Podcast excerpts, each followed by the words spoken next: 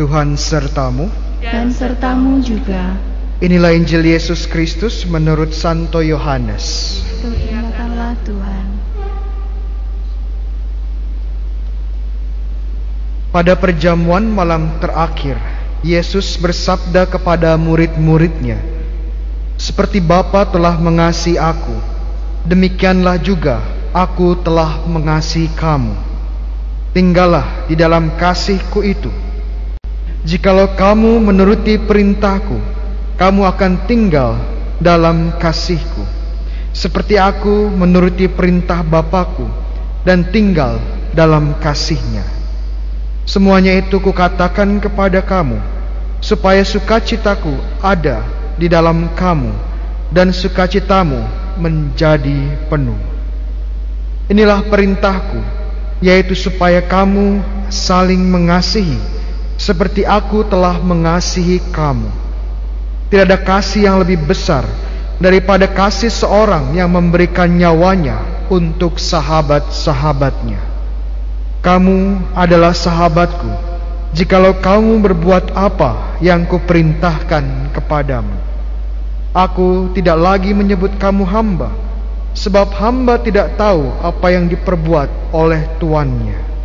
Tetapi aku menyebut kamu sahabat, karena aku telah memberitahukan kepada kamu segala sesuatu yang telah kudengar dari Bapakku.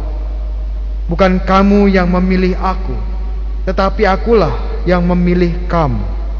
Aku telah menetapkan kamu supaya kamu pergi dan menghasilkan buah dan buahmu itu tetap. Supaya apa yang kamu minta kepada Bapa dalam namaku diberikannya kepadamu. Inilah perintahku kepadamu. Kasihlah seorang akan yang lain. Demikianlah Injil Tuhan. Terpujilah Kristus. Pertama-tama selamat bertemu setelah setahun lebih karena pandemi kita nggak bertemu. Saya kebetulan ke sini dan diminta memberi rekoleksi kepada frater juga sehingga saya diminta Romo Adrian dan ditemani Romo Bayu untuk misa hari ini dan besok. Jadi kita bersyukur pada Tuhan bahwa kita masih sehat walafiat dalam segala situasi yang sulit ini. Tapi dalam situasi yang sulit ini justru pada saat demikian Allah memberikan suatu harapan buat kita pada hari ini. Dia mengatakan bahwa dia ingin memanggil kita sebagai sahabat. Mengapa itu sangat penting? Karena biasanya kita hubungan dengan Tuhan dan manusia biasanya hanya ciptaan dan pencipta. Jadi Allah itu pencipta yang jauh dan kita dan ciptaan dan kita tahu bahwa di antara pencipta dan ciptaan ada jurang yang tak terjembatani, tak terselami. Bahwa Allah itu pencipta dan kita yang ciptaan ini namanya Tuhan dan hamba. Jadi kita mendekati pencipta kita, Tuhan kita dengan cara yang tidak mungkin bisa dekat sedekat yang kita mau. Pada hari ini Tuhan mewahyukan pada kita, Dia ingin lebih dekat dengan kita. Mungkin kita bisa memandang lagi lebih dalam lagi bahwa Tuhan itu mungkin sebagai penyelamat kita. Padahal Tuhan itu ingin lebih daripada sekedar pencipta dan penyelamat. Hari ini dia bicara mengenai cinta kasih persahabatan. Ini mungkin sesuatu yang kabar gembira ketika kita masih dalam keadaan seperti ini. Bagaimana kita ini dipanggil Tuhan sebagai sahabat dan sebagai orang yang dipanggil untuk hidup dalam cinta kasihnya. Dan pada waktu awal novena ini kita tahu bahwa ini mungkin terjadi kalau inisiatif Tuhan dan karena Roh Kudus yang mempersatukan kita. Roh Kuduslah cinta kasih itu yang menyatukan kita sebagaimana dia menyatukan Bapa dan Putra jadi kalau kita diundang Tuhan untuk masuk dalam cinta kasihnya berarti hidup dalam roh. Hidup dalam roh dan hidup dalam roh itu berarti kita menjadi sahabat dan kekasih Allah. Itu sangat penting buat kita. Karena tidak ada jarak lagi yang memisahkan kita sangat jauh. Karena untuk orang yang mencintai dan cintai itu semuanya dekat.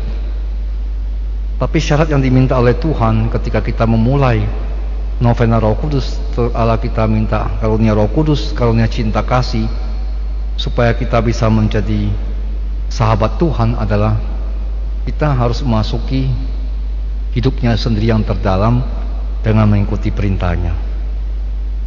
Mungkin ini yang paling berat buat kita. Allah ingin kita menjadi sahabatnya. Allah ingin kita menjadi orang yang paling dikasihinya dan mengasihi dia. Tapi mengasihi Tuhan dan menjadi sahabat Tuhan ada harganya. Harganya adalah bagaimana kita itu bisa mengikuti perintahnya. Mungkin yang paling sulit. Mengikuti perintah Tuhan, perintah cinta kasih, dan menghasilkan buah. Dan buah itu melebihi yang kita sangka. Kalau dengar kata perintah kita selalu berpikir bahwa sesuatu yang dipaksakan kepada kita Padahal itu sebenarnya itu gampang-gampang saja Tapi itu memang dalam hubungan manusiawi aja kita gagal kok Misalnya sebagai teman dan teman Kadang-kadang kita kan pasti ada permintaan tertentu Meskipun tersembunyi Meskipun tidak tertulis Tapi kan pasti ada tanda petik komitmen yang tak tertulis misalnya Saya mau ketemu kamu jam sekian kamu harus datang tepat waktu. Ya, kalau saya memperhatikan kamu, ya wajarlah kamu memperhatikan saya. Kalau saya itu berjuang untuk kamu, wajarlah kita saling memperjuangkan. Kan hal-hal seperti ini kan tak tertulis tapi memang itu nyata. Kalau enggak bagaimana menjadi sahabat? Mungkin di situ kita bisa gagal. Sebagai manusia, persahabatan manusia aja kita gagal kok. Apalagi hubungan dengan alam. Bagaimana kita gagal masuki perintahnya. Dan ini suatu usaha yang harus berat, yang harus kita punyai kalau kita sungguh-sungguh ini menjadi sahabat Allah. Harganya mahal, harganya mahal, tapi menarik sekali Tuhan mengatakan kalau bisa itu membawa sukacita. Semua aku katakan kepadamu supaya sukacitaku ada dalam kamu dan sukacitamu menjadi penuh. Kalau bisa memenuhi permintaan baik tertulis maupun tak tertulis dalam relasi sahabat maka ada sukacita kata Tuhan dan sukacita itu menjadi penuh kalau kita mengikuti uh, perintahnya hidup dalam kasihnya jadi harganya ada hadiahnya juga banyak hadiahnya sukacita sukacita yang penuh harganya adalah harus bisa memenuhi kewajiban berteman hak dan kewajiban berteman itu wajar-wajar saja. Dan perintahnya adalah sangat sederhana. Hidup dalam kasih, berarti juga melakukan sesuatu dalam kasih. Ini mungkin kegagalan kita paling banyak. Mungkin pada awal novena ini mari kita merenungkan sejauh mana kita gagal dalam kasih. Sejauh mana kita gagal dalam menjalankan hidup dalam kasih, hidup dalam perintah kasih supaya kita bisa mengakui depan Tuhan bahwa kita ini gagal dalam kasih.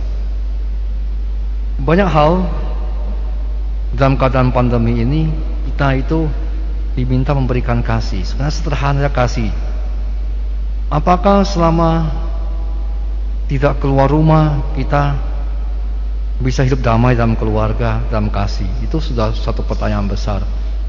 Kadang-kadang banyak orang yang dalam dikurung itu menjadi stres, menjadi sungguh-sungguh emosi tidak stabil dan akhirnya bukannya menjadi damai dalam rumah hubungan kasih lebih dekat tapi akhirnya banyak berantemnya lebih lebih banyak belum lagi kita ngomong bagaimana kita melihat sesama kita di luar sana contoh sajalah memakai masker saja ya itu pun sudah suatu tindakan kasih sebenarnya banyak orang berpikir bahwa memakai masker itu suatu masalah besar kadang-kadang karena mengatasi kita, membatasi kita dan kadang-kadang memang tidak enak memakai masker. Dan selalu berpikir bahwa kita nggak ada masalah, tapi masalahnya di sini. Mungkin kita tidak ada masalah, orang lain bermasalah. Itu kan tindakan kasih. Contoh, saya pengen ketemu banyak orang selama di Surabaya. Saya kenal banyak di sini, sudah setahun tidak ketemu, tapi kadang-kadang pertanyaannya adalah opportun nggak saya ke rumah mereka? Bukan karena saya nggak suka ke rumah mereka. Saya ini jalan ke mana-mana, ya meskipun saya dari daerah. Kadang-kadang bahasanya pandemi kan hijau, kuning, merah orangnya. Kadang-kadang saya merasa bahwa jalan sana, jalan sini, mungkin saya yang sudah divaksin tidak terkena masalah besar, tapi mungkin saya membawa virus. Ya kan? Apakah dengan ketemu orang itu saya tidak menjatuhkan orang itu? Itu juga masalah loh ya. Kadang-kadang orang tidak berpikir ke situ, berpikir bahwa saya oke-oke saja kok. Memang kita oke-oke saja, tapi orang lain bagaimana? Ya, contoh seperti itu, memakai masker. Apakah segampang itu mengatakan saya baik-baik saja sehingga saya tidak peduli dengan orang lain apakah dia baik atau tidak? Itu kan pertanyaan besar juga. Hal lain, misalnya dalam keadaan pandemi, mungkin saya bisa kumpul dengan nyaman. Kenapa? Karena rumah saya besar, saya tidak punya masalah dengan keuangan segala macam. Tapi apakah sesama saya, saudara saya seiman, atau lingkungan saya, dia sama nggak dengan situasi saya? Mungkin bagi dia, berkumpul di keluarga 24 jam tidak kerja segala macam itu menghancurkan dia. Kenapa? Mau kerja apa dia kan? Itu satu masalah juga dan bagaimana tindakan cinta kasih berbagi itu terjadi. Ya, hal kecil seperti ini membuat kita itu dalam pembukaan uh, novena Roh Kudus yang ada cinta kasih, mungkin terbaiknya kita berpikir sejauh mana kita jatuh dan gagal dalam cinta kasih. Ya, banyak hal kita gagal, saya pun gagal, bukannya kamu gagal, saya pun gagal dalam cinta kasih. Karena tidak segampang itu mempraktekkan cinta kasih. Bayangin aja, Kasihilah seorang akan yang lain. Tambah lagi, tidak ada kasih yang lebih besar daripada kasih seorang memberikan nyawanya untuk sahabat-sahabatnya. Mau kamu memberikan nyawa untuk saya? Ya kan? Tidak segampang itu kan? Jangankan memberikan nyawa, memberikan gajian kamu kepada istrimu, gajian kamu dengan suamimu belum tentu kamu mau. Ya kan? Itu hal yang gampang loh ya. Padahal uang yang diberi itu bisa dicari kembali bulan depan, tahun depan. Itu aja susah dikasih. Ngomong nyawa, sekali beri habis. Itu kan terlalu tinggi. Ya kan, ngomong saya memberi nyawa, memberikan gaji aja nggak bisa, gimana memberikan nyawa? Padahal gaji tahun depan, bulan depan bisa diambil kembali. Tapi ngomongnya gede sekali, saya memberikan nyawa. Hal yang kita beri kita bisa try, bisa dapat kembali dan kita nggak bisa memberi apalagi sekali beri habis loh ya nyawa itu nyawa cuma satu loh ya itu kan sesuatu yang kita harus renungkan bagaimana kita terbuka pada permulaan novena roh kudus maka kita bersama-sama pada permulaan novena ini mari kita membuka hati kita mengakui bahwa kita punya masalah bahwa menjalankan cinta kasih dan percayalah bahwa Allah itu tahu keterbatasan kita. Allah itu tahu keterbatasan kita. Tahu bahwa kita ini dibuat dari debu dan tanah liat. Makanya dia menghembuskan nafas kehidupan. Dan ketika Tuhan bangkit menampakkan diri pada minggu pasca malam, dia menghembuskan kembali terimalah roh kudus untuk kita, menciptakan kita kembali. Artinya tahu bahwa dia tahu bahwa kita ini lemah. Kalau kita mengakui kita lemah, mari kita minta rohnya berhembus menciptakan kita kembali. Kejujuran bagi kita untuk menatap kelemahan kita itu penting. Bahwa kita ini butuh dia menembuskan, menciptakan kembali kita. Maka pada novena ini mari kita mohon seperti lagu-lagu biarlah rohmu membaharui seluruh muka bumi dan menciptakan kami kembali dari kegagalan kami. Tuhan bersamamu dan bersama rohmu. Inilah Injil Yesus Kristus menurut Yohanes. Dimuliakanlah Tuhan. Dalam perjamuan malam terakhir, Yesus menengadah ke langit dan berdoa bagi semua muridnya. Ya Bapa yang kudus, pelihara mereka dalam namamu, yaitu namamu yang telah engkau berikan kepadaku, supaya mereka menjadi satu sama seperti kita. Selama aku bersama mereka, aku melihara mereka dalam namamu, yaitu namamu yang telah engkau berikan kepadaku. Aku telah menjaga mereka dan tidak seorang pun dari mereka yang binasa, selain dia yang telah ditentukan untuk binasa, supaya genaplah yang tertulis dalam kitab suci. Tetapi sekarang aku datang kepadamu, Aku mengatakan semuanya ini sementara aku masih ada dalam dunia, supaya penuhlah sukacitaku dalam diri mereka. Aku telah memberikan firmanmu kepada mereka, dan dunia membenci mereka, karena mereka bukan dari dunia, sama seperti aku bukan dari dunia. Aku tidak meminta supaya engkau mengambil mereka dari dunia, tapi supaya engkau melindungi mereka dari yang jahat. Mereka bukan dari dunia, sama seperti aku bukan dari dunia. Kuduskanlah mereka dalam kebenaran, dan firmanmu adalah kebenaran. Sama seperti engkau telah mengutus aku ke dalam dunia, demikian pula aku telah mengutus mereka ke dalam dunia. Dan aku menguduskan diriku bagi mereka, supaya mereka pun dikuduskan dalam kebenaran. Demikianlah Injil Tuhan. Terpujilah Kristus. Pertama-tama seperti saya kemarin, saya juga mengucapkan selamat bertemu setelah sekian lama karena situasi pandemi kita bertemu hampir setahun lebih. Maka semoga Tuhan dalam Ekaristi ini memberikan kita rahmat yang berlimpah, kesehatan yang berlimpah. Dan semoga sebagaimana ajakan Paus Fransiskus kita selalu dilindungi Tuhan. Dan wabah ini saya berhenti karena pertolongan tersuci Bunda Maria. Teman-teman semua saudara-saudari hidup di dalam roh ini adalah sebuah ungkapan yang kita sering dengar dan kita kehendaki semua kita ingin hidup dalam roh kudus saya yakin tidak ada orang yang tidak mau hidup dalam roh kudus Makanya banyak seminar membicarakan hidup dalam roh kudus. Bahkan kita bahkan ke mana-mana kita mengikutinya seminar hidup baru dalam roh. Tetapi sebenarnya apa yang dimaksud dengan hidup di dalam roh kudus? Dalam bacaan-bacaan hari ini dikatakan bahwa pertama-tama hidup dalam roh itu sebuah karunia. Karena hanya Allah yang bisa mencurahkan rohnya kepada kita. Maka kalau kita ingin hidup dalam roh, maka kita sebenarnya meminta karunia besar Allah. Dan ini merupakan hasil daripada doa Tuhan Yesus Kristus untuk kita yang kita dengar dalam Injil. Biasanya kita berpikir kita berdoa kepada Tuhan Yesus. Tapi kita sering lupa bahwa Tuhan Yesus juga dan bahkan yang pertama mendoakan kita.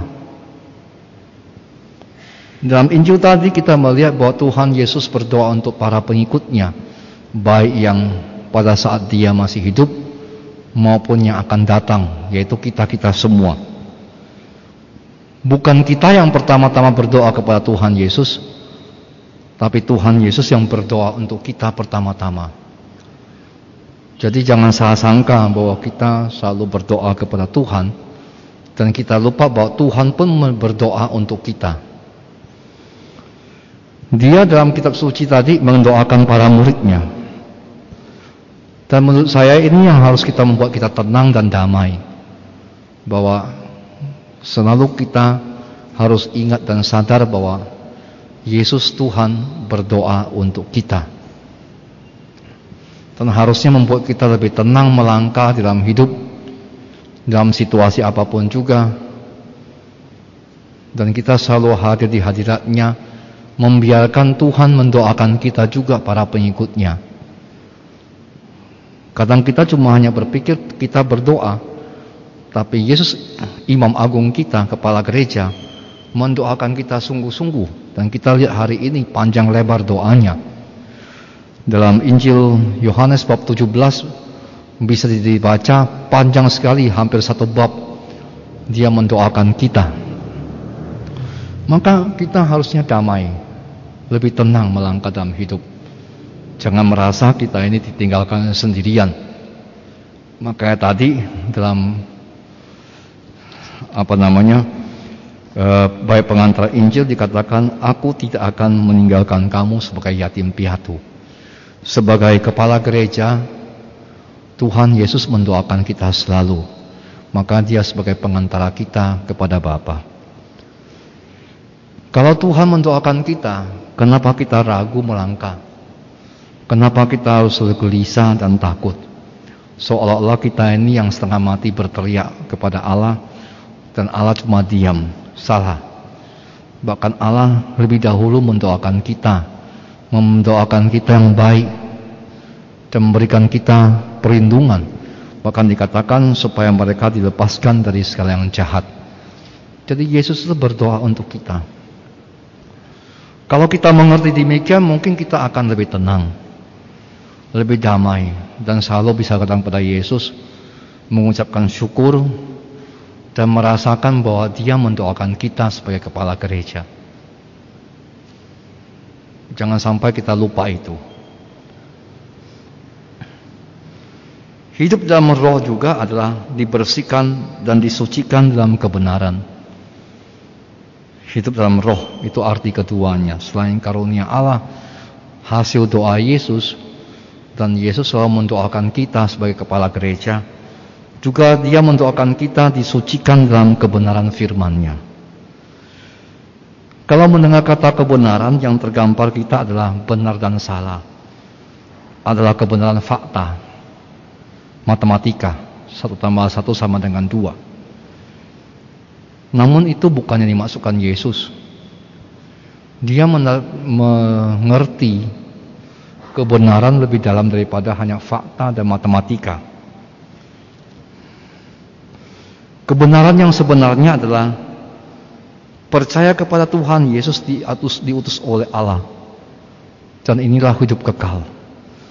Dalam Yohanes 17 ayat 3 dikatakan, inilah hidup kekal itu yaitu percaya kepada Yesus yang diutus.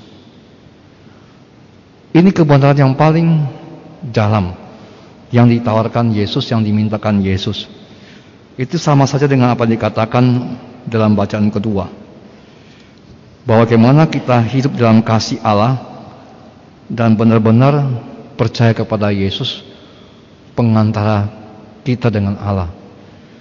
Bahwa dalam diri Yesus yang mengasihi kita, yang mendoakan kita, kita menemukan jalan dan kehidupan kekal. Itulah kebenaran dan hanya dialah yang bisa membersihkan kita dari kebenaran. Ketika Pilatus bertanya kepada Tuhan di depan pengadilan, sebenarnya Injil Yohanes kalau masih ingat ingin menyinggung kebutaan Pilatus. Kenapa? Karena Pilatus bertanya kepada Tuhan Yesus di pengadilan. Apakah itu kebenaran? Itu kan pertanyaan Pilatus yang terkenal itu. Ketika dia diminta mengadili Tuhan Yesus, dia tanya, Tolong katakan pada saya apa itu kebenaran. Sebenarnya penulis Injil Yohanes ingin mengatakan Pilatus ini buta. Bagaimana dia bisa bertanya apa itu kebenaran, sedangkan sang kebenaran berdiri tepat di depan matanya. Itu kan pertanyaan kepada Tuhan Yesus ketika Tuhan Yesus mengatakan, aku datang untuk memberi kesaksian kebenaran. Dan Pilatus bertanya, woi apa itu kebenaran? Kan sebenarnya pertanyaan yang salah. Menunjukkan bahwa kebutaan Pilatus. Kenapa? Karena kebenaran itu berada, berada tepat di depan matanya. Masa dia nggak bisa lihat? Tapi itu yang terjadi. Bahwa orang tidak bisa melihat kebenaran yang sungguh-sungguh tepat di depan matanya yaitu adalah Tuhan sendiri dan bagaimana rahasia ilahi Tuhan diwahyukan kepada kita di dalam diri Yesus Kristus. Banyak kita bertanya apa itu kebenaran, apa yang benar dalam hidup, apa yang harus dilakukan dalam hidup. Padahal itu semua depan mata kita, yaitu jawabannya pada Yesus dan semua diwahyukan oleh Yesus.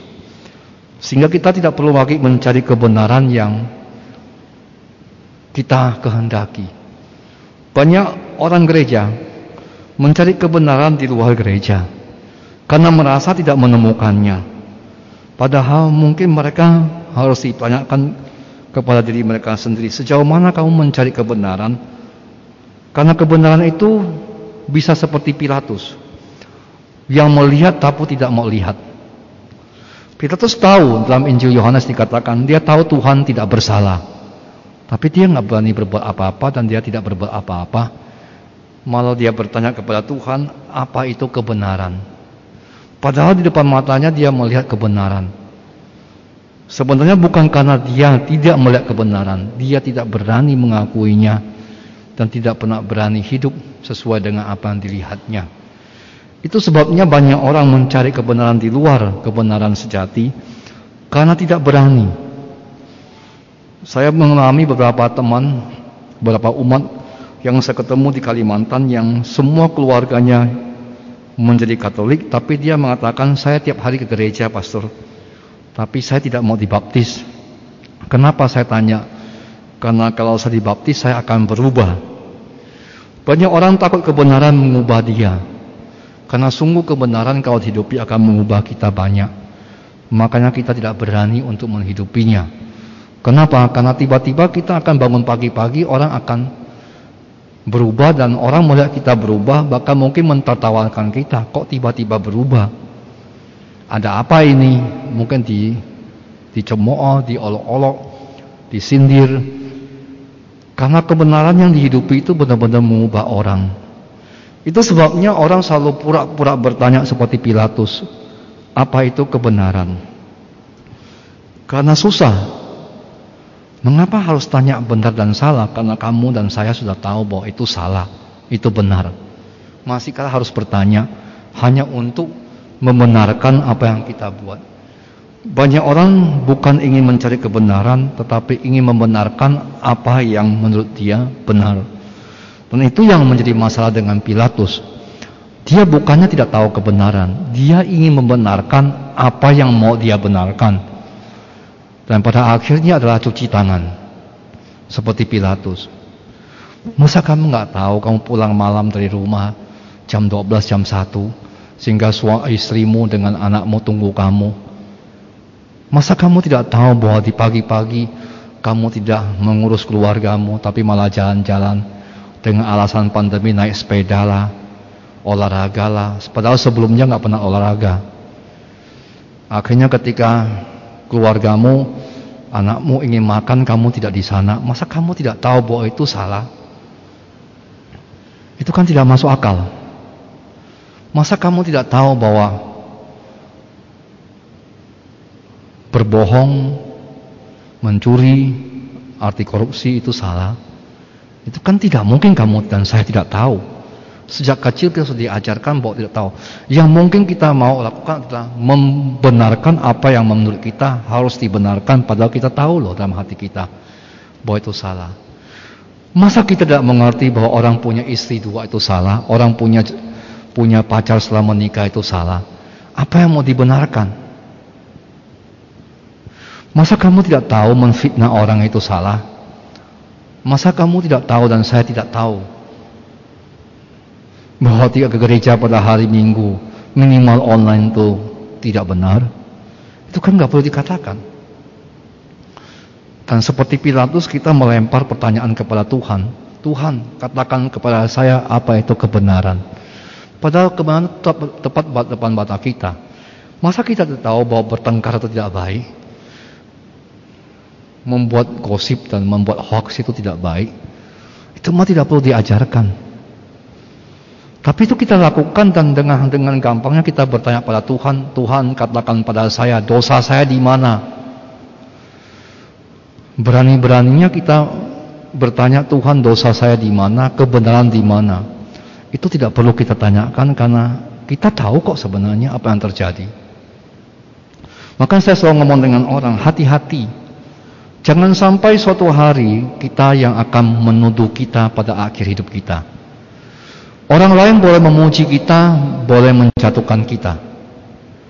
Tapi yang lebih penting adalah pada akhir hidup kita, janganlah kita yang menuduh kita. Itu yang paling berbahaya. Dan itu paling susah kita hindari. Mungkin seribu umat akan mengatakan saya bagus, tapi pertanyaannya saya adalah apakah menurut pandangan saya dan menurut pandangan Tuhan itu kan yang paling penting pada saat akhir hidup kita bukan hanya apa orang lain katakan dan kita nggak perlu menutupi semua salah ya salah benar ya benar Yang kita mau adalah apa itu kebenaran. Maka disucikan kebenaran adalah penting dan disucikan oleh Tuhan Yesus sendiri dan terutama pada saat dibaptis. Ini kan paling utama kan, bagaimana kita menghidupi sakramen baptis kita. Masa kita nggak tahu bahwa pergi ke dukun itu salah? Sampai di akhirat pun di mana pun orang bertanya sampai akhir zaman itu pasti salah, gitu aja. Tapi pertanyaan kita bukan itu salah atau enggak, mengapa tidak boleh gitu kan kan diubah-ubah itu seperti itu. Dan kesaksian Rasul Yohanes lebih dalam lagi. Hidup dalam kebenaran adalah hidup dalam persekutuan. Persekutuan dengan Allah dan persekutuan dengan sesama. Itu yang orang tidak tidak ingat bahwa hidup dalam kebenaran itu sebenarnya relasi dengan Allah harus benar. Relasi dengan sesama juga benar. Barang siapa mengasihi ia hidup dalam roh. Dan hasilnya dalam mengasihi adalah kesatuan. Justru inilah doa terindah Yesus pada hari ini. Semoga mereka semua menjadi satu adanya. Sama seperti kita adalah satu kata Tuhan. Maka kita diminta untuk memperjuangkan kesatuan Kesatuan itu merupakan harga mati. Karena kesatuan itu adalah kebenaran. Lawan dari kebenaran adalah kepalsuan dan kemunafikan. Sekali lagi lawan daripada kebenaran adalah kepalsuan dan kemunafikan. Dan ini paling banyak terjadi. Kita senyum palsu, menjawab palsu, hidup pun palsu muka pun dipalsukan, operasi plastik. Ya kan begitu.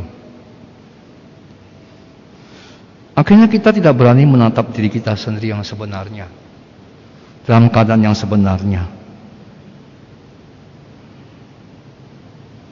Kadang-kadang susah. Terutama saya mengalami bahwa saya sering dikritik orang ngomong terlalu keras. Saya bukan keras, saya ngomong apa adanya, beda loh ya. Kalau keras tuh saya tuh maki-maki orang, itu keras. Tapi kalau saya ngomong kamu jelek apa apa salah? Kalau kamu jelek gitu loh, mau saya ngomong apa? Banyak orang mengatakan kenapa Romo ngomongnya keras? Saya nggak keras. Saya ngurus sekolah. Kadang-kadang saya marah dosen saya, guru saya, kamu tidak mampu. Ya memang tidak mampu. Ya buktinya kamu tidak mampu. Apakah saya keras? Tidak. Harusnya ngomong gimana coba? Maunya mungkin begini. Sebenarnya kamu hebat. Cuma kamu lupa gitu.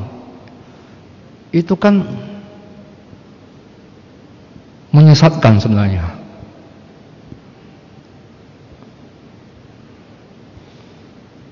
Kalau misalnya kamu punya anak, kalau dia buat salah, kamu mau ngomong apa? Pasti kamu tegur lah. Dan teguran selalu tegas. Kalau keras lain lagi. Ya kan? Itu kan kenyataan yang sebenarnya. Makanya kepalsuan itu sesuatu yang menjadi lawan kebenaran pada akhirnya dikaburkan. Ya kan? Dan kita nggak berkembang karena kita takut menghadapi diri sendiri. Seperti banyak orang mengatakan, Romo sudah rambutnya semakin tipis ya, sudah botak ya. Nah, saya mau jawab apa? Oh enggak, saya baru gunting rambut. Ya jelas saya botak kok, gimana cuma mau diomongin? Apakah menghina saya? Enggak. Apakah orang keras? Enggak. Memang saya botak. Lah kamu juga kan botak pada waktu kamu tua toh.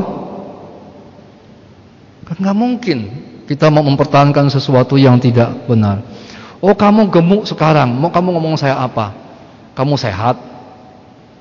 Kan orang mengatakan kamu kok tambah sehat ya, padahal maksudnya tambah gemuk gitu loh.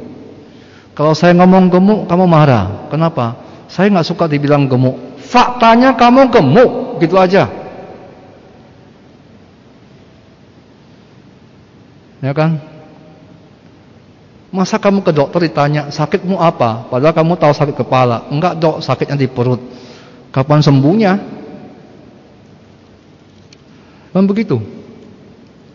Makanya lawan daripada kebenaran kepalsuan dan kemunafikan. Depan beda, belakang beda, hidup kita semua dibuat potopeng semua. Orang yang suka berbohong itu adalah orang yang harus membuat cerita berbingkai. Dan saya selalu gambarkan orang main apa Lego ya. Ya Austin, main Lego ya, yang tarik itu semua runtuh itu loh. Ya Lego ya. Inilah Austin anak kecil. Anda terus siu. Nah, kan kita disuruh susun nih, hmm, tarik itu loh. Ya kan? Salah tarik itu hancur semua, kan begitu.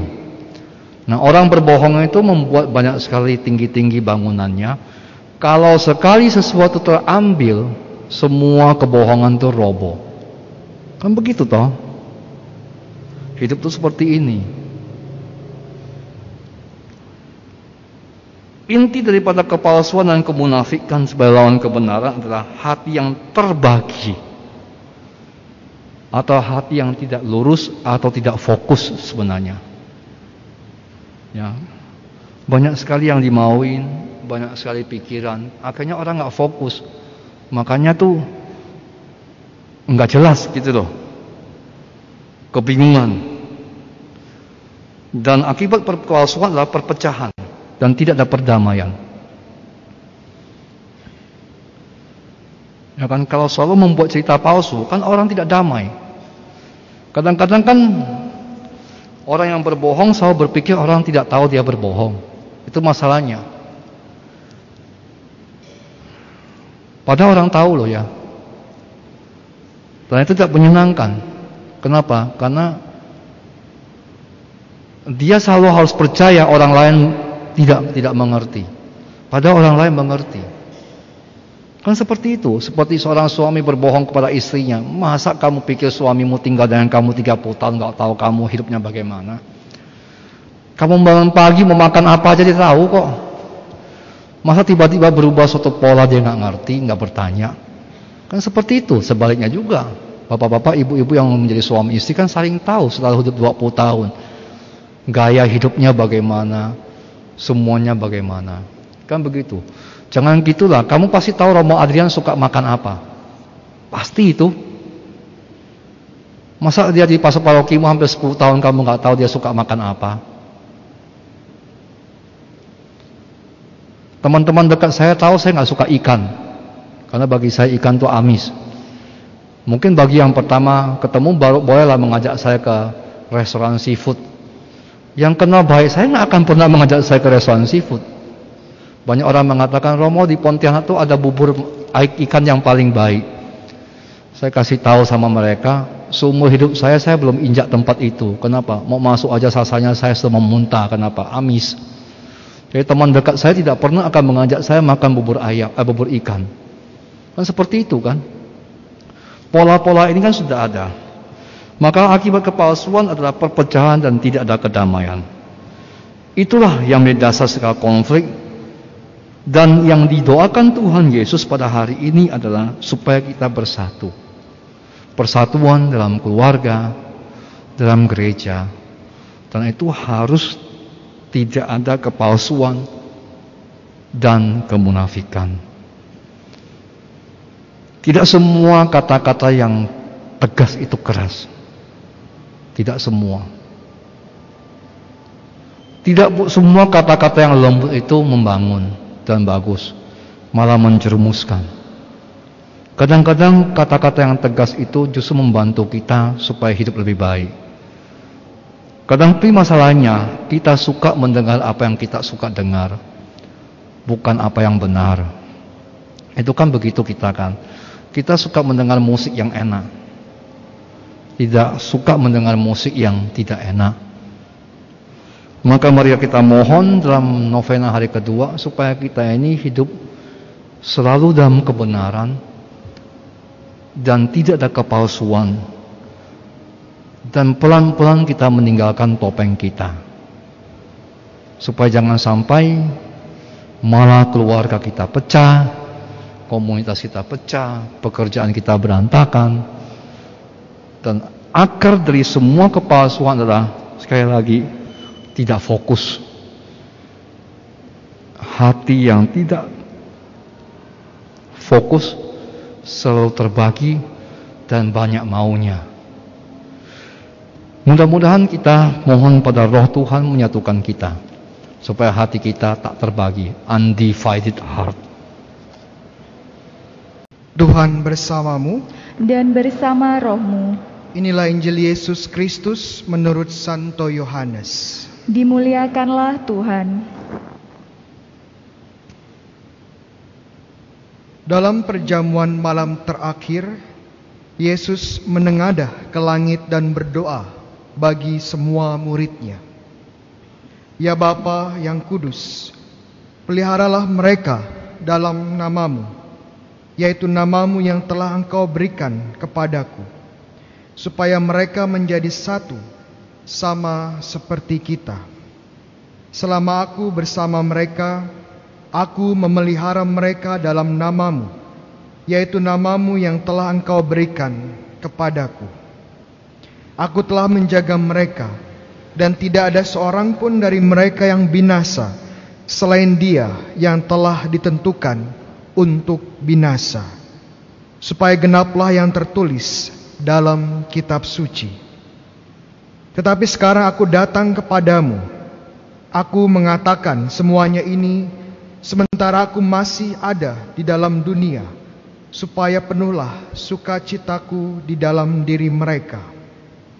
Aku telah memberikan firman-Mu kepada mereka, dan dunia membenci mereka, karena mereka bukan dari dunia, sama seperti aku bukan dari dunia.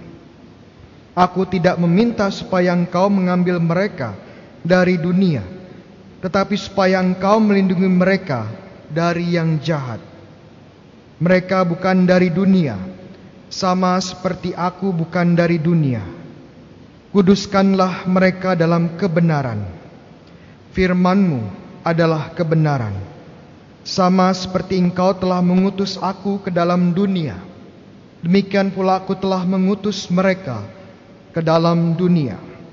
Dan aku menguduskan diriku bagi mereka, supaya mereka pun dikuduskan dalam kebenaran. Demikianlah Injil Tuhan. Terpujilah Kristus. Sahabat-sahabat yang terkasih dalam Kristus, Yesus Tuhan kita adalah seorang pendoa. Dalam berbagai event penting dalam hidupnya, sebelum dia memasuki event penting atau di dalam momen penting di dalam hidupnya, Tuhan Yesus berdoa. Saat dia dibaptis, Tuhan Yesus berdoa saat dia akan memilih 12 rasulnya, dia berdoa.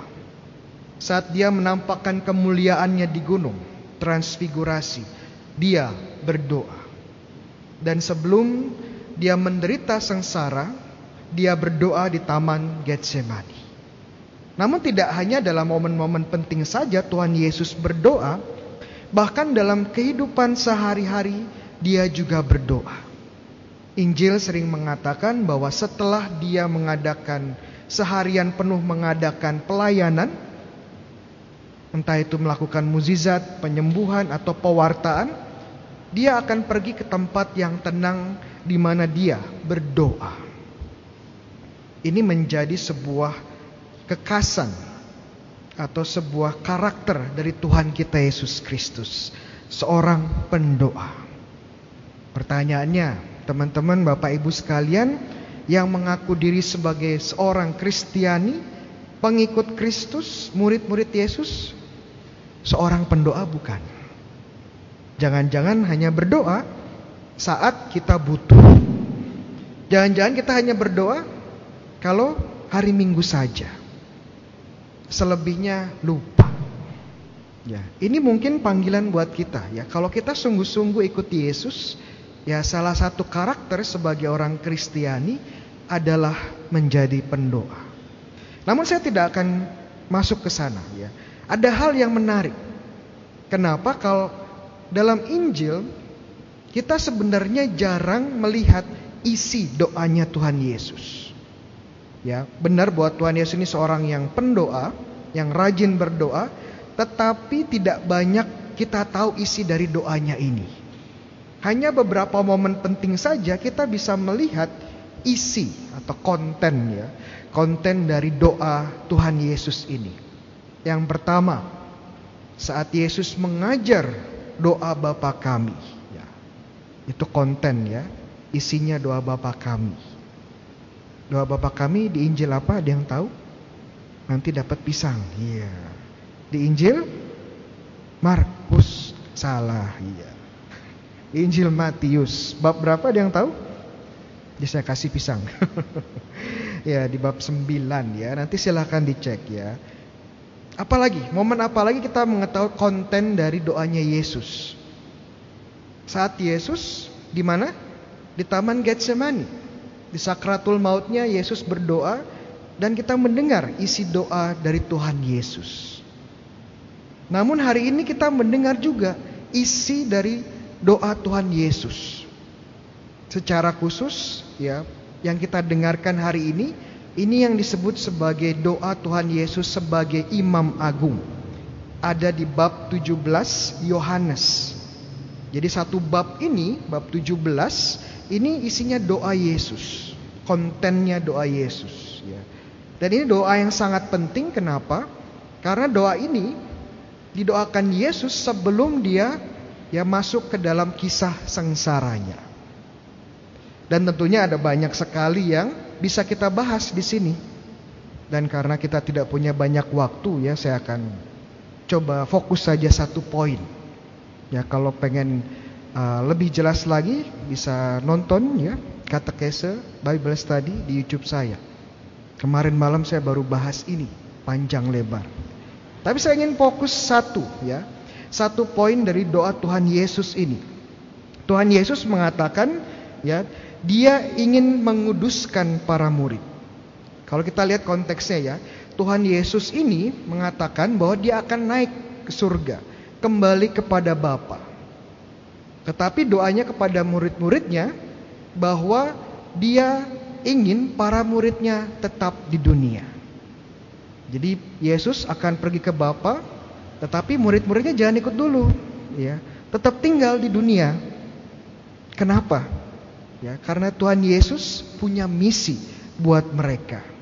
Dan agar misi ini berlangsung dengan lancar, Tuhan Yesus bilang apa? Saya akan menguduskan mereka di dalam kebenaran. Menguduskan mereka di dalam kebenaran. Romo maksudnya menguduskan dalam kebenaran itu apa? Menguduskan. Menguduskan itu kan membuat kudus ya. Membuat sesuatu menjadi suci. Dan kadang-kadang kalau kita mendengar kata kudus, mendengar kata suci, biasanya yang keluar dalam pikiran kita ini adalah para kudus di surga. Ya, santo dan santa. Santa Maria, Santo Yusuf, ya, Santo Petrus, ya, Santo Paulus, Santa Monica dan sebagainya. Mereka adalah para kudus di surga. Makanya disebut Santo Santa. Kenapa disebut Santo Santa? Ada yang tahu? Pisang dua? Ya. Kata Santo dan Santa ini dari bahasa Latin artinya sanctus, ya, yang artinya ya kudus, suci. Ya, santo itu untuk cowok, santa untuk cewek, ya. Tetapi kalau kita kembali ke makna kata kudus atau suci di dalam kitab suci, makna dasarnya sebenarnya adalah kalau kita sesuatu itu dikuduskan, itu berarti dipisahkan dan dikhususkan. Ya, dipisahkan dari fungsi yang biasa-biasa saja dan dikhususkan untuk sebuah tujuan atau fungsi yang khusus. Mungkin untuk lebih agak berat ya, mungkin untuk membuatnya sedikit ringan saya kasih contoh. Tahu air kudus atau air suci? Kenapa air itu disebut suci? Air kudus. Tahu kan? Air kudus, air suci, ya. Kenapa airnya disebut kudus atau suci? Karena air ini sudah diberkati dan dikhususkan Air ini air suci Jadi sudah dipisahkan dari penggunaan biasa sehari-hari. Air suci tidak bisa lagi digunakan untuk mandi, untuk minum, ya. Apalagi untuk kumur setelah sikat gigi, nggak boleh, ya. Karena sudah dikhususkan untuk keperluan keagamaan, untuk membuat tanda salib, ya, untuk memerciki uh, benda-benda kudus yang lain, memerciki orang, memberkati orang. Jadi nggak bisa dipakai yang lain karena sudah dikhususkan, sudah dikuduskan. Contoh lain seperti piala ya. Piala yang biasa dipakai dalam perayaan Ekaristi itu piala yang kudus, piala yang suci, yang sudah dikuduskan. Jadi nggak boleh lagi digunakan untuk hal-hal lain.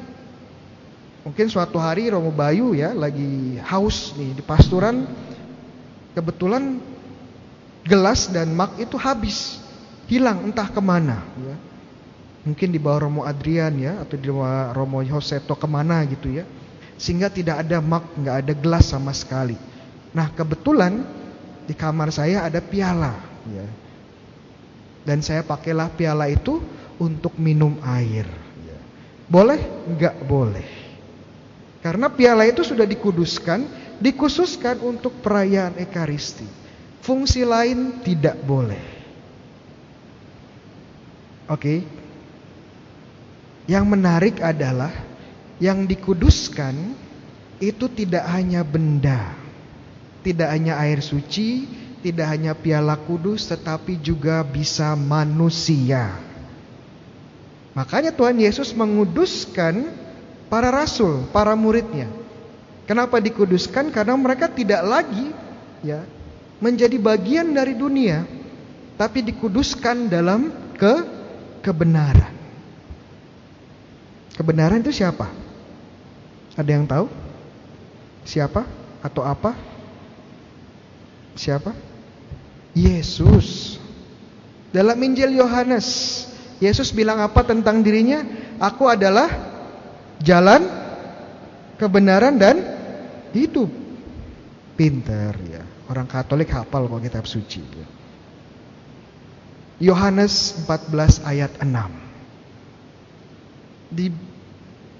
Dikuduskan di dalam kebenaran berarti dikuduskan menjadi milik Yesus. Para murid ini dikuduskan tidak lagi menjadi bagian atau milik dunia, tapi kini sudah menjadi milik Yesus. Dan pengudusan ini tidak hanya untuk para rasul ya 12 rasul tetapi kepada semua murid Yesus. Saya dan Anda semua. Pertanyaannya, kapan kita dikuduskan? Kapan kita menjadi milik Yesus? Ada yang tahu? Nanti dapat foto bareng dengan Romo Bayu. Iya. Ada yang tahu kapan kita dikuduskan? Saat kita di dibaptis. Ada yang benar? Ya, nanti silakan temui saya di belakang foto bersama. Saat kita dibaptis, kita dikuduskan. Kita tidak lagi menjadi milik dunia tapi milik Tuhan. Milik Tuhan Yesus. Tapi kita tetap di dunia karena kita juga punya misi membawa Yesus kepada sesama.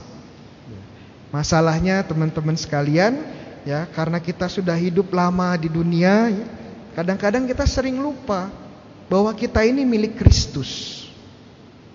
Dan kita lebih hidup sebagai orang duniawi, lebih duniawi, lupa identitas kita sebagai milik Kristus. Dan concern kita setiap hari ya hal-hal duniawi. Lupa dengan status dan identitas kita sebagai milik Kristus. Kalau kita cari barang-barang duniawi, hal-hal duniawi, wah semangatnya luar biasa.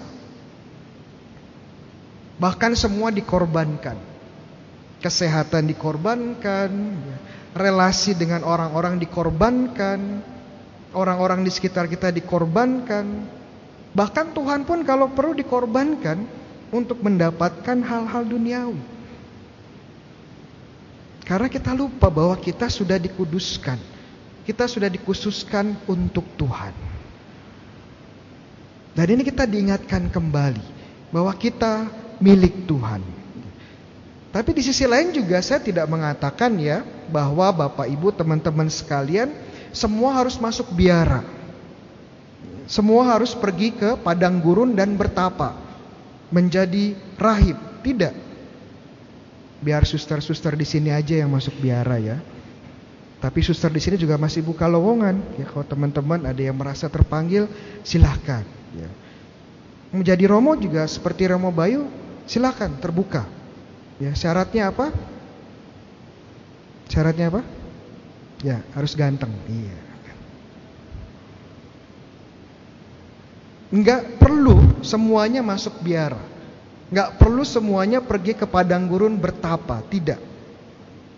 Kekudusan menjadi kudus, menjadi milik Tuhan Yesus, itu bisa kita lakukan sekarang dengan kondisi kita sekarang siapa. Kalau orang tua, ya jadilah orang tua yang kudus.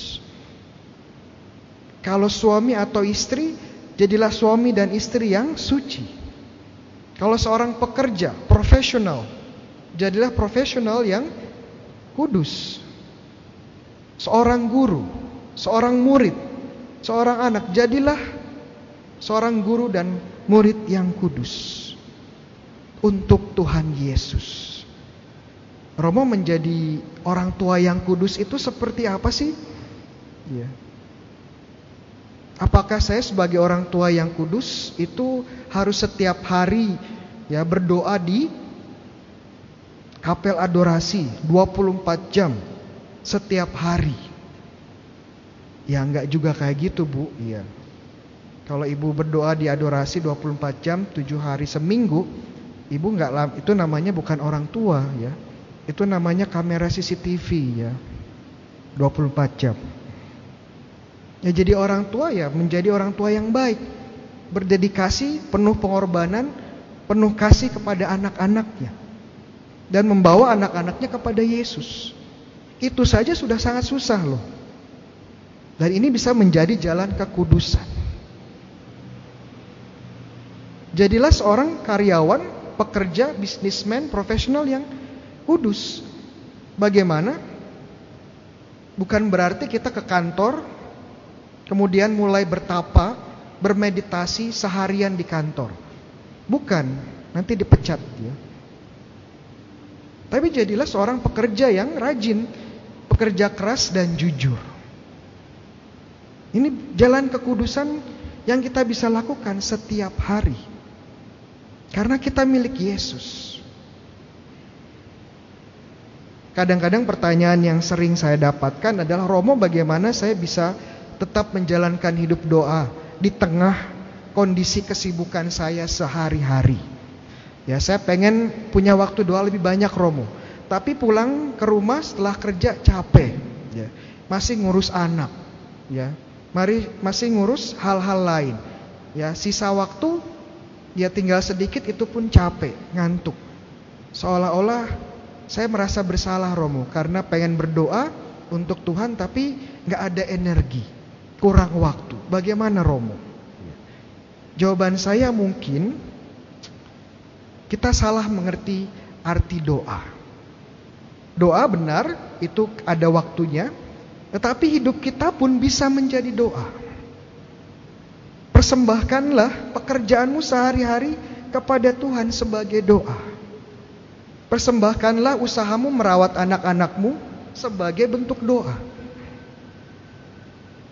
Saya mengajar sebagai seorang romo, ya, sebagai seorang youtuber, ya. Ini saya persembahkan juga kepada Tuhan menjadi sebuah doa. Sehingga doa bukan lagi sebuah hal yang ada di pojok sana, menunggu sisa-sisa waktu kita. Semua hidup kita milik Tuhan Yesus. Dan marilah setiap bagian hidup kita kita persembahkan kepada Tuhan Yesus. Mari kita belajar dari seorang beato, orang kudus yang baru saja dijadikan beato ya, dinyatakan sebagai beato atau orang yang terberkati namanya seorang remaja ya namanya Carlo Acutis. Dia seorang pelajar biasa. Dia suka main PlayStation. Dia juga ahli komputer. Tapi kenapa kok dia bisa jadi orang kudus? Padahal terlihat hidupnya biasa-biasa saja. Karena apa yang dia miliki setiap hari dia persembahkan kepada Tuhan. Keahliannya dalam komputer ya tidak hanya main komputer saja, tapi juga dipakai membuat website agar orang-orang lebih mencintai ekaristi. Dan bahkan waktu dia sakit pun dia kena leukemia ya dan meninggal dalam usia muda dan dia berkata bahwa dalam sakitnya ini pun saya persembahkan kepada Tuhan untuk paus, untuk para uskup dan imam. Kalau seorang Carlo Acutis, remaja yang biasa-biasa saja bisa menjadi orang kudus, kita semua di sini pun bisa. Kita selalu diingatkan kita sudah dikuduskan, kita bukan lagi milik dunia, tetapi milik siapa? Milik Yesus. Amin. Tuhan bersamamu dan bersama rohmu. Inilah Injil Yesus Kristus menurut Santo Yohanes. Dimuliakanlah Tuhan. Dalam amanat perpisahannya, Yesus berkata, bahwa akan tiba saatnya bahwa ia tidak lagi berbicara dengan memakai kiasan. Maka para murid berkata kepada Yesus, "Lihat sekarang, engkau berkata terus terang, dan engkau tidak memakai kiasan. Sekarang kami tahu bahwa engkau mengetahui segala sesuatu, dan tidak perlu orang bertanya kepadamu. Karena itu, kami percaya." bahwa engkau datang dari Allah. Jawab Yesus kepada mereka, Percayakah kamu sekarang? Lihat, saatnya datang, bahkan sudah datang, bahwa kamu dicerai beraikan, masing-masing ke tempatnya sendiri, dan kamu meninggalkan aku seorang diri. Namun aku tidak seorang diri, sebab Bapa menyertai aku. Semuanya itu kukatakan kepada kamu, supaya kamu beroleh damai sejahtera dalam aku. Dalam dunia kamu menderita penganiayaan, tetapi kuatkanlah hatimu, aku telah mengalahkan dunia. Demikianlah Injil Tuhan. Terpujilah Kristus. Saudara-saudari yang terkasih dalam Kristus, Uh, izinkan saya untuk sedikit merefleksikan bacaan pertama. Kenapa Romo tidak ngambil dari bacaan Injil? Karena tadi pagi sudah saya bahas ya. Jadi kalau teman-teman ingin tahu tentang pembahasan saya, refleksi saya tentang bacaan Injil, silahkan ditonton di YouTube-nya Redemptor Mundi misa pagi hari ini.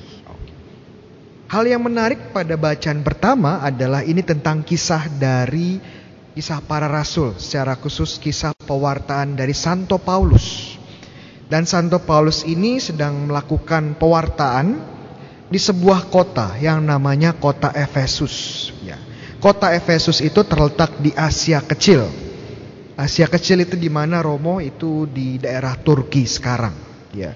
Daerah Turki. Jadi nama kuno dari Turki itu adalah Asia Kecil dan secara khusus Efesus ada di sebelah barat Turki.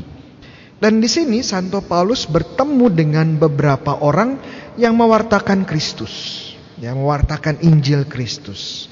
Tetapi setelah ditanya oleh Santo Paulus tentang siapa mereka, mereka bilang bahwa mereka ini baru menerima pembaptisan dari Yohanes Pembaptis. Jadi mereka belum menerima pembaptisan sakramental atau sakramen baptis. Karena pembaptisan Yohanes itu hanya sebagai tanda pertobatan. Bukan sakramen, tidak ada rahmat pengampunan, tidak ada rahmat dari Tuhan. Oleh karena itu, Santo Paulus pun mengatakan sebaiknya kalian dibaptis dulu. Menerima sakramen pembaptisan terlebih dahulu. Dan mereka dibaptis dan setelah dibaptis Santo Paulus menumpangkan tangan. Ya ini menjadi salah satu uh, bentuk awal dari sakramen krisma. Ya. Dan setelah ditumpangkan tangan menerima sakramen krisma, mereka menerima Roh Kudus. Ya. Jadi dua sakramen ini ada, sakramen baptis dan sakramen krisma. Dan saat menerima Roh Kudus, di orang-orang ini kemudian menggunakan ya menerima karunia bahasa roh dan juga karunia nubuat. Dan jadi ini sebenarnya pas ya bacaannya buat kita yang sedang merayakan novena Roh Kudus karena tentang Roh Kudus. Kemudian mungkin ada yang bertanya, Romo waktu saya menerima sakramen krisma, kok saya tidak menerima karunia bahasa roh? Kok saya tidak menerima karunia nubuat?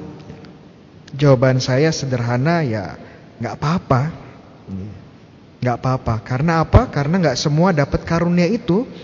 Dan itu bukan yang paling penting sebenarnya. Yang paling penting adalah yang terjadi berikutnya. Dikatakan dalam ya kisah para rasul ya setelah pembaptisan dan sakramen krisma ini Santo Paulus dan yang lainnya mereka mewartakan Injil dengan berani. Dan ini yang paling penting dari sakramen krisma, yang paling penting saat menerima Roh Kudus. Kita diutus dijadikan berani mewartakan Injil. Pewartaan Injil memang tidak harus seperti Romo di depan mimbar atau di depan komunitas, tapi di depan keluarga pun bisa. Di depan teman-teman kita di kantor juga bisa. Dalam keluarga, apakah kita berani memperkenalkan Kristus kepada anak-anak kita? Mengajak mereka berdoa, mengajak mereka membaca kitab suci, mengajak mereka pergi ke gereja. Menegur mereka saat mereka tidak serius saat ikut misa mainan HP ya. atau dibiarkan saja biar anteng ya. apakah kita mewartakan Injil di tengah-tengah keluarga kita dan ini sakramen krisma yang memberikan kita roh kudus tapi kita juga perlu ingat ya bahwa grace perfect nature ya, rahmat menyempurnakan kodrat istilahnya jadi apakah kita sudah mempersiapkan untuk menerima Roh Kudus?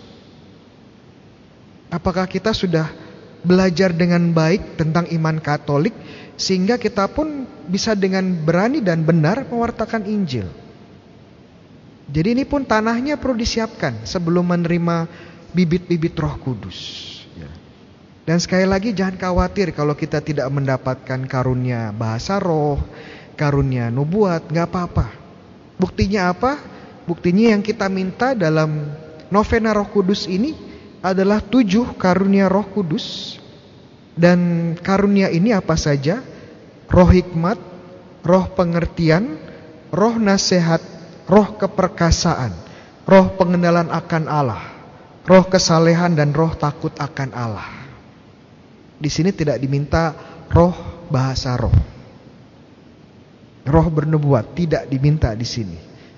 Yang diminta tujuh karunia roh kudus mempersiapkan kita untuk mewartakan Injil dengan berani. Ini karunia roh kudus dan kita pun perlu mempersiapkan dengan baik. Amin. Tuhan bersamamu dan bersama rohmu. Inilah Injil Yesus Kristus menurut Santo Yohanes. Dimuliakanlah Tuhan. Dalam perjamuan malam terakhir, Yesus menengadah ke langit dan berdoa, Bapa, telah tiba saatnya permuliakan anakmu, supaya anak-anakmu mempermuliakan engkau. Sama seperti engkau telah memberikan kepadanya kuasa atas segala yang hidup. Demikian pula anakmu akan memberikan hidup yang kekal kepada semua yang telah engkau berikan kepadanya. Inilah hidup yang kekal itu, yaitu bahwa mereka mengenal Engkau satu-satunya, Allah yang benar, dan mengenal Yesus Kristus yang telah Engkau utus. Aku telah mempermuliakan Engkau di bumi dengan jalan menyelesaikan pekerjaan yang Engkau berikan kepadaku untuk kulakukan. Oleh sebab itu, ya Bapa, permuliakanlah aku padamu sendiri dengan kemuliaan yang kumiliki di hadiratmu sebelum dunia ada. Aku telah menyatakan namamu kepada semua orang yang engkau berikan kepadaku dari dunia. Mereka itu milikmu, dan engkau telah memberikan mereka kepadaku. Dan mereka menuruti firmanmu. Sekarang mereka tahu bahwa semua yang engkau berikan kepadaku itu berasal daripadamu. Sebab segala firman yang engkau sampaikan kepadaku telah kusampaikan kepada mereka. Dan mereka telah menerimanya. Mereka tahu benar-benar bahwa aku datang daripadamu dan mereka percaya bahwa engkaulah yang mengutus aku. Aku berdoa untuk mereka, bukan untuk dunia aku berdoa, tetapi untuk mereka yang telah engkau berikan kepadaku. Sebab mereka adalah milikmu, dan segala milikmu adalah milikku, dan milikku adalah milikmu. Dan aku telah dipermuliakan di dalam mereka. Aku tidak lagi ada di dalam dunia, tetapi mereka masih ada di dalam dunia. Dan aku datang kepadamu. Demikianlah Injil Tuhan. Terpujilah Kristus. Saudara-saudari selamat malam semuanya. Dan malam ini kita diingatkan bahwa Tuhan Yesus sudah memuliakan Bapaknya. Aku telah mempermuliakan engkau di bumi dengan jalan menyelesaikan pekerjaan yang engkau berikan kepadaku untuk kulakukan. Jadi itu caranya. Bagaimana kita memuliakan Allah? Kita memuliakan Dia saat kita melakukan kehendaknya buat kita. Ya, karena kita punya misi masing-masing ada yang dipanggil sebagai bapak dan ibu berkeluarga, ada juga yang ikut sebagai ya religius atau ya profesi yang uh, berbeda, ya berbeda. Jadi uh, satu langkah yang kita harus uh, ambil itu melakukan kehendaknya Allah nah, yang cocok buat kita. Di situlah uh, kemuliaannya Allah. Tuhan Yesus memuliakan Bapaknya saat dia melakukan uh, kehendaknya Bapa.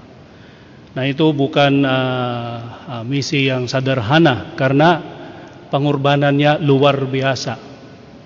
Ya kadang-kadang kita disuruh kurban tapi hanya waktu, talenta atau ya hadiah-hadiah kita yang terima dari Tuhan dibagikan kepada orang lain. Tapi kalau kita lihat uh, Tuhan Yesus dan beberapa saudara-saudari kita juga mereka diminta untuk benar-benar mengorbankan diri, nyawa mereka, para martir, santo dan santa. Nah, tapi kita gak bisa juga bilang bahwa uh, panggilan kita randa karena uh, panggilan itu tergantung juga modalnya. Maksudnya keadaan kita. Jadi di situlah kita lihat apa saja uh, kehendaknya Allah. Ya, kalau uh, contoh, kalau kita perempuan ya pastilah dipanggil sebagai perempuan dan tambah lagi. Karena itu satu cara untuk kita bisa melakukan kehendak Allah di ketahuilah diri kita. Nah, kita berpikir, bisa berkontemplasi apa, oh siapa saya dan kita bisa ambil satu persatu. Ya, itu langkah pertama. Yang kedua adalah peluang-peluang yang kita terima dari Tuhan. Nah di situlah kita bisa melihat Bunda Maria. Bunda Maria meskipun secara modal dia hanya punya uh, gak terlalu banyak lah karena waktu itu dia masih muda uh, 16 tahun tapi dia dikasih peluang undangan untuk menjadi uh, ibunya Tuhan Yesus. Nah, di situlah kita juga melihat uh, hidup cara hidupnya Bunda Maria sebagai teladan kita. Uh, orang yang gak mau pastilah bisa secara cepat uh, cari alasan, uh, alasan. Tapi buat mereka yang mau ada cara ada caranya. Dan Bunda Maria waktu itu meskipun dia agak terlalu paham, memahami uh, uh, Allah, uh, sedikit penjelasan saja cukup buat dia. Mengapa? Karena dari awal dia sudah mau melakukan kehendaknya Allah. Nah, kalau kita lihat itu, ya pengorbanannya, penderitaannya luar biasa. Tapi dia tetap taat dan setia. Nah, di sinilah kita bisa lihat selain Tuhan Yesus, kita bisa melihat cara hidupnya Bunda Maria sebagai teladan. Kata, uh, kuncinya adalah ya itu identitasnya Bunda Maria. Dia melihat dirinya sebagai hamba. Nah, kadang-kadang Nah, ada beberapa di antara kita yang cari dulu kepentingan diri sendiri. Nah, ini yang uh, benar-benar gak sesuai dengan uh, yang diminta dari kita. Dulu para rasul pun sama. Mereka hanya berpikir kepentingan diri sendiri. Mereka tanya siapa yang duduk di sisi kanan dan uh, kirinya Tuhan Yesus. Maksudnya posisi yang cukup tinggi. Karena ya mungkin ada kemauan untuk oh, pingin dilihat orang dipuji-puji orang dimuliakan oleh orang lain. Nah ini yang gak cocok karena sebenarnya Tuhan Yesus bisa memuliakan Allah karena dia punya satu tujuan saja melakukan kehendaknya Allah. Nah kita ingat lagi bahwa ya kita diingatkan carilah kerajaannya Allah terlebih dahulu dan segalanya diberikan kepadamu. Nah, semoga kita bisa ambil ah, sifat-sifat uh, seperti ini dan cara hidup seperti, seperti cara hidupnya Bunda Maria supaya kita bisa memuliakan Allah dan setelah itu dimuliakan oleh Bapa kita di surga. Nah, bagaimana kita dimuliakan? Ya, sama sepertilah Tuhan Yesus dimuliakan uh, Bapaknya. Dia dikembalikan, suruh kembali ke keadaannya dulu. Nah, kita juga dimuliakan saat kita dibangkitkan dan dikasih uh, hidup yang kekal. Hidup yang kekal dengan Bapa kita di surga. Nah, semoga kita bukan hanya sekadar mimpikan ini atau berpikir tapi benar-benar dari pikiran kita, perkataan kita dan tindakan kita bisa melakukan kehendaknya Allah. Bagaimanapun susahnya. Sebenarnya semakin susah, semakin bermakna. Nah, su, uh, mudah dikatakan, susah dilakukan. Jadi kita minta dorongan dari Tuhan. Ya, untungnya uh, minggu depan kita mulai merayakan juga hari raya Pentakosta. Maksudnya tentu saja tanpa dorongan atau bantuannya Tuhan kita gak bisa melakukan apa-apa. Jadi pesan terakhir adalah terbukalah diri kita dorongan atau inspirasi dari Tuhan supaya kita benar-benar bisa memuliakan Allah dan pada akhirnya dimuliakan oleh Dia. Amin.